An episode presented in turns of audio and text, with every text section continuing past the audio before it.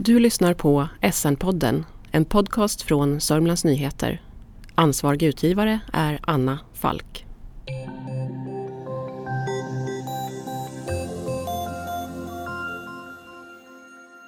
Vi har alltid varit och är Sverigedemokrater, alla fyra. Av Lasse Ringdahl. Publicerad i Sörmlands Nyheter den 21 november 2015. Vi backar till slutet av 70-talet och Oxelösund. Den brittiska punken slog igenom. En subkultur som protesterade mot klassamhället. Grupper som The Clash och Sex Pistols inspirerade ungdomar att med mycket enkla medel börja spela musik och provocera. Trummisen Ulf Hansen och basisten Thomas Kron spelade i punkbandet Ugly Spots och fick kontakt med sångaren och gitarristen Jan Törnblom. Ultima Thules nuvarande gitarrist Niklas Adolfsson bodde i Buskhyttan och spelade med ett punkband som kallade sig Död lag. 1982 hade punken utvecklats i flera olika undergrupper, bland annat Oj, som särskilt anammades av skinnskallar. Låtarna skulle ha lättsjungna refränger. Texterna handlade ofta om patriotism och huliganism och inspirerade den tidiga vit makt-musiken. Det passade Ugly Spots som gled över från att vara punkare till att bli skinheads. Ugly Spots bytte namn till Ultima Thule och spelade 1983 in sex låtar på Studio Svängrummet i Nyköping. En studio som ägdes av musikproducenten Jonny Thunqvist. Bland låtarna märktes Du gamla du fria, Engelbrektsmarschen och Sverige Sverige fosterland och spreds ut som kassettband över hela Sverige. Bevara Sverige svenskt, BSS-rörelsen, upptäckte Ultima Thules dragningskraft och erbjöd bandet att finansiera en EP, Sverige Sverige fosterland, som så småningom gavs ut vid årsskiftet 84-85. Att det här skapades en politisk koppling är inget man reflekterar över, skriver Ultima Thule idag på sin hemsida. Skivan blev en stor framgång för Ultima Thule och följdes av fler inspelningar. Men redan efter något år splittrades gruppen och återuppstod inte förrän 1990. Då erbjöd ett tyskt skivbolag att ge ut bandets musik på en LP-skiva och originalmedlemmarna samlades för att skriva nya låtar. Resultatet blev ännu en LP, Svea hjältar, och trummisen Ulf Hansen förklarade i SN varför Ultima Thule kallade sin musik vikingarock. Vi har alltid varit intresserade av Sveriges historia och vi har alltid tyckt att det finns alldeles för lite stolthet i det här landet. Vikingarna var också något som vi borde vara stolta över. Likaså det faktum att Sverige alltid varit en nation som stått stark i alla väder. Som det är nu så blir man ju nästan kallad rasist om man sjunger nationalsången. Och det är ju inte klokt, sa Ulf Hansen. Ultima Thule hyllade den gamle svenske frihetshjälten Engelbrekt, för övrigt ättling till en tysk invandrare och som krigade mot svenske kungen Erik av Pommern under 1430-talet. Svenskarna är idag ett folk som fogar sig efter nästan vad som helst som de styrande politikerna hittar på. Vi tycker att det börjar vara på sin plats med en folkresning mot alla tokiga lagar och regler som vi hela tiden får östa över oss, förklarade sångaren Jan Törnblom i SN. I februari 1992 spelade Ultima Thule på Träffen i Nyköping. Konserten kallades Vinterrock och arrangerades av LO-sektionens ungdomskommitté. Bandet hade lockat ett hundratal besökare från såväl Stockholm som Södertälje utöver Nyköpingspubliken. Och trots att det största flertalet var skinnhuvuden fungerade tillställningen utmärkt, skrev SN. Ultima Thule var hetare än någonsin, men samtidigt mer kontroversiella än något annat svenskt band. I augusti 1993 klev nöjesmogulen Bert Karlsson in och finansierade Ultima Thules marknadsföring. Gruppen hade tre plattor bland landets mest sålda skivor och låten Vikingablod fanns med på Sveriges Radios trackslista. Bert Karlsson var inte bara nöjesdirektör med eget skivbolag. Han var också riksdagsledamot och toppolitiker i det öppet invandrarfientliga Ny Demokrati.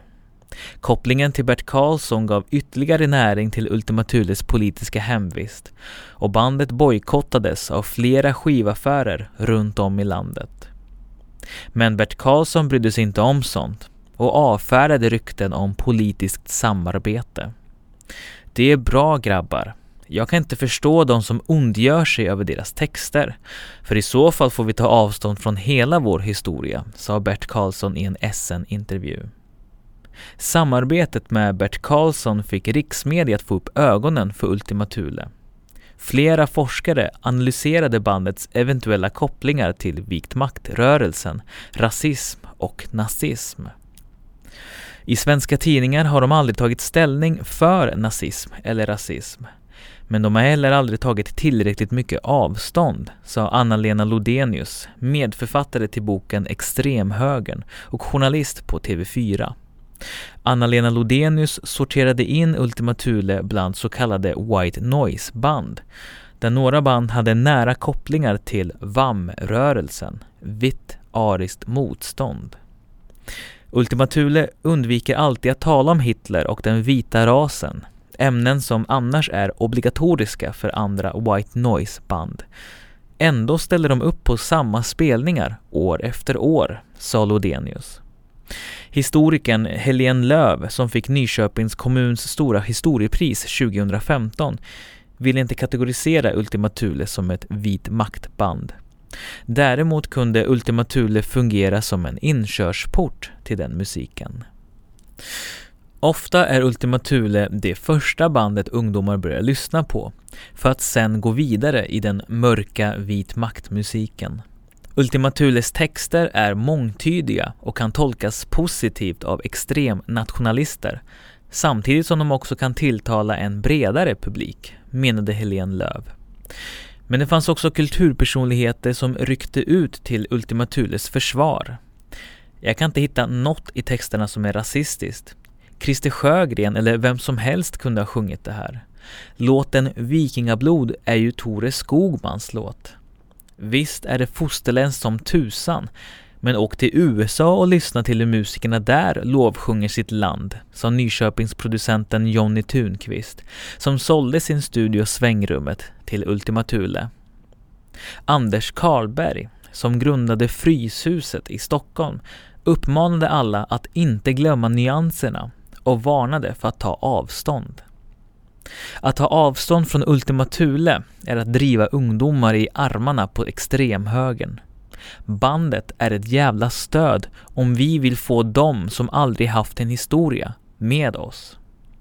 Både jag och Ultima Thule har mordhotats av VAM. Det viktiga är att bandets killar säger att de lämnat politiska åsikter som de haft. Att det var ett misstag att spela med, sa Anders Karlberg. Författaren Maj Engvall analyserade Ultima Thules texter och kunde inte hitta några rasistiska uttryck. Däremot starkt nationalistiska. Jag anser att vi bör tro Ultima Thule på deras ord och förlåta dem det olyckliga samröret med BSS, sa Maj Engvall. Ultima Thule talade om guilt by association, att bli stämplad som rasist bara för att skinheads finns i publiken. I vår begynnelse var det många skinheads på våra spelningar. Och varför ska inte de få lyssna och tycka om vår musik som alla andra? Ingen skulle komma på tanken att beskylla bluesmusikern Peps Persson för att vara kommunist bara för att han spelar samtidigt som Mikael Wiehe, skrev Ultima Thule i en debattartikel i SN sommaren 1993. Ultima Thule var brännmärkt i Sverige och antalet spelningar blev allt färre. Istället satsade man under resten av 90-talet på den utländska marknaden, framförallt i Tyskland där Ultima Thule hade en trogen skara fans.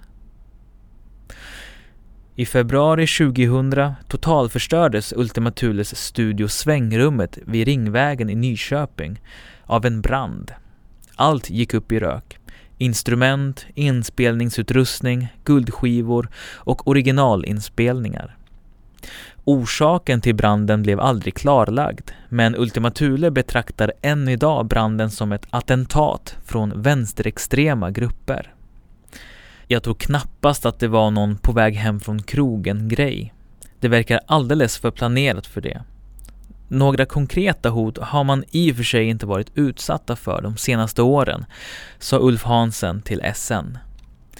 Branden blev också den tändande gnistan att fortsätta spela. Tusentals lyckönskningar och böner om att fortsätta spela strömmar in från hela världen. Det fanns inte längre några alternativ. Man kan inte ge upp nu, skriver Ultima Thule på sin hemsida. Ultima Thule köpte en ny studio i Buskhyttan och rustade för en rejäl comeback. Ny skiva, en miniturné i Europa och en spelning i Sverige. Sverigespelningen äger rum på en klubb i Borås. Vi spelar mest på hojklubbar och raggarklubbar. Och för att vara ett bojkottat källarband tycker jag vi lyckas rätt bra, sa Ulf Hansen.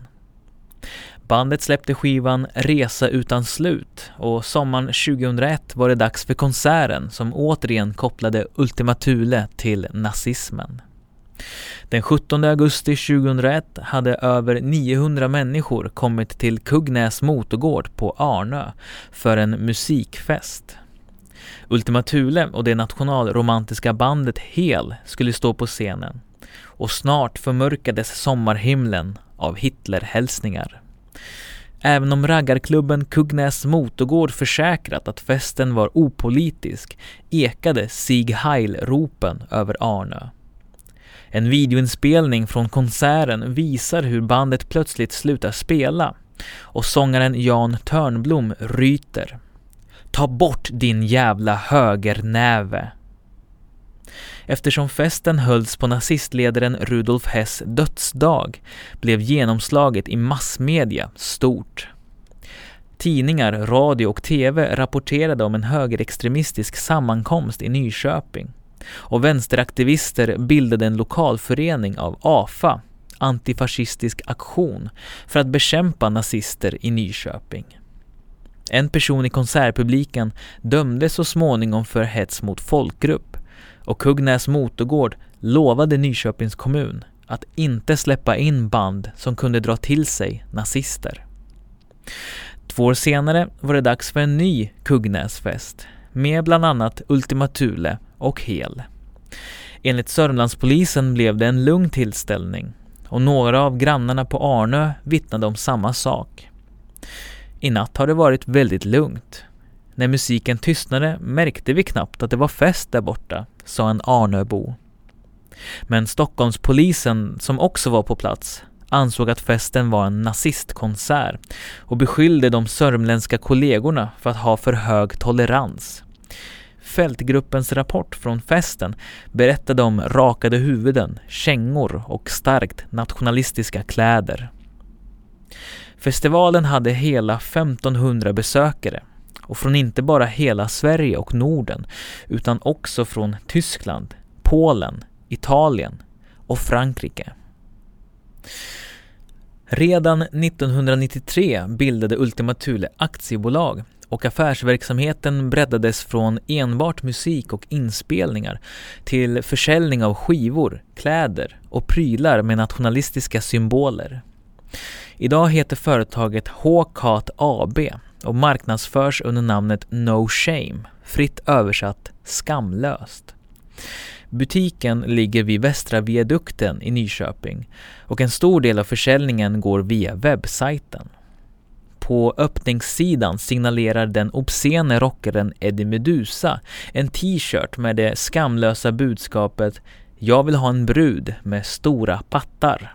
En fingervisning om webbshoppens sortiment.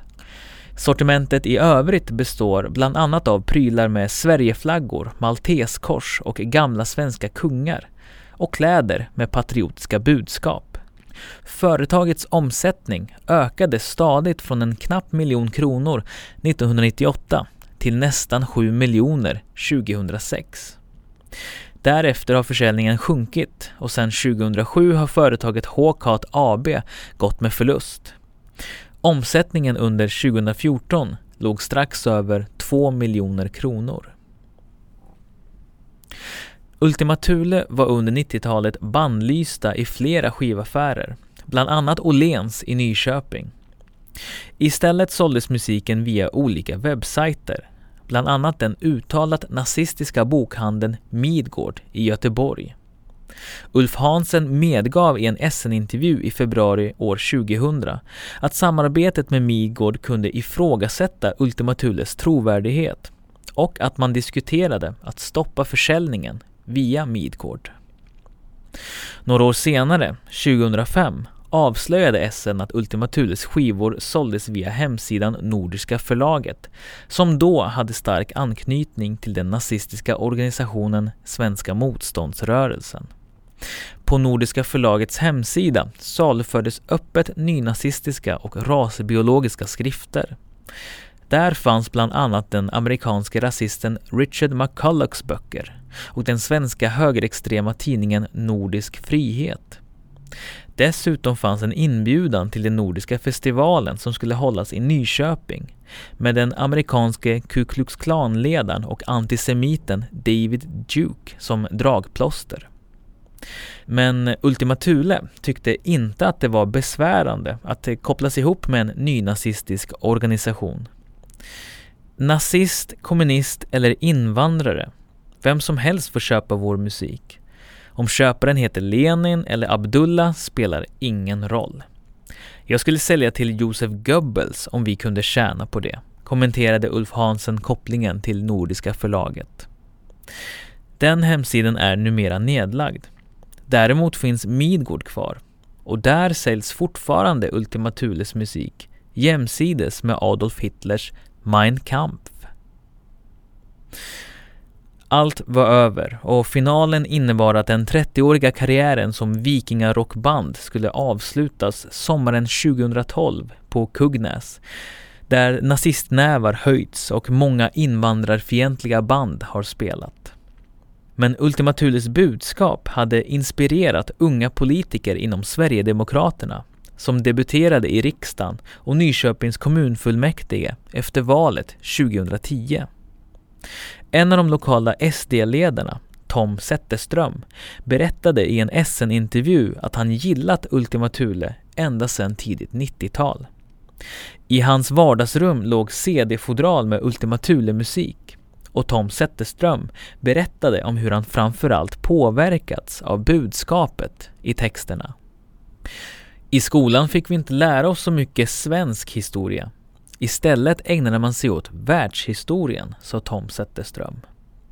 Ultima Thules sångare, Jan Törnblom, trodde att bandets musik medverkade till att Sverigedemokraterna gjorde ett rekordval i september 2010 och klarade riksdagsspärren.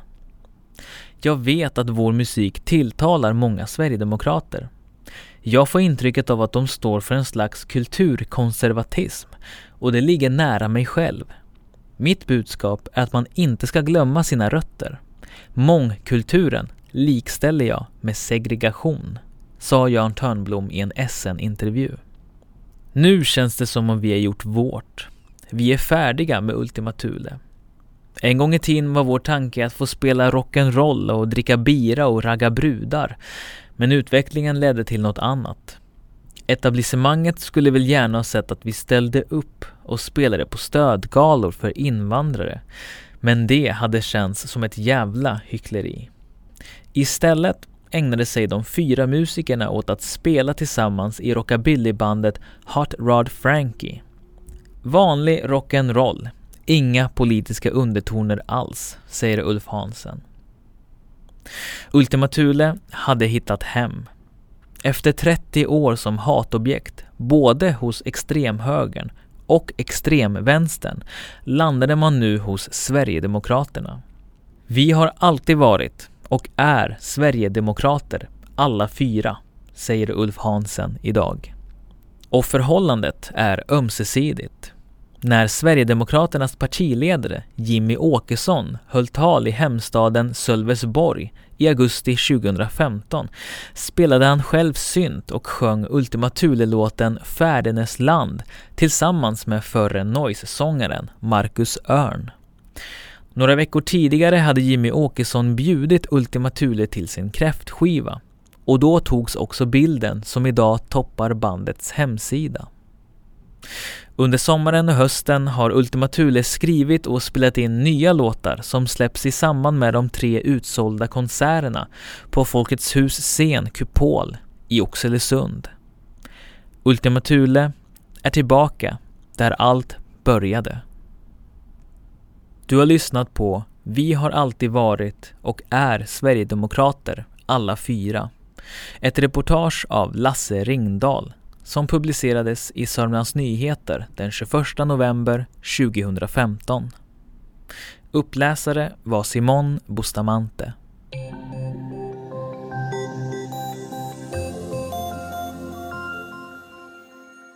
Du har lyssnat på SN-podden, en podcast från Sörmlands Nyheter. Ansvarig utgivare är Anna Falk.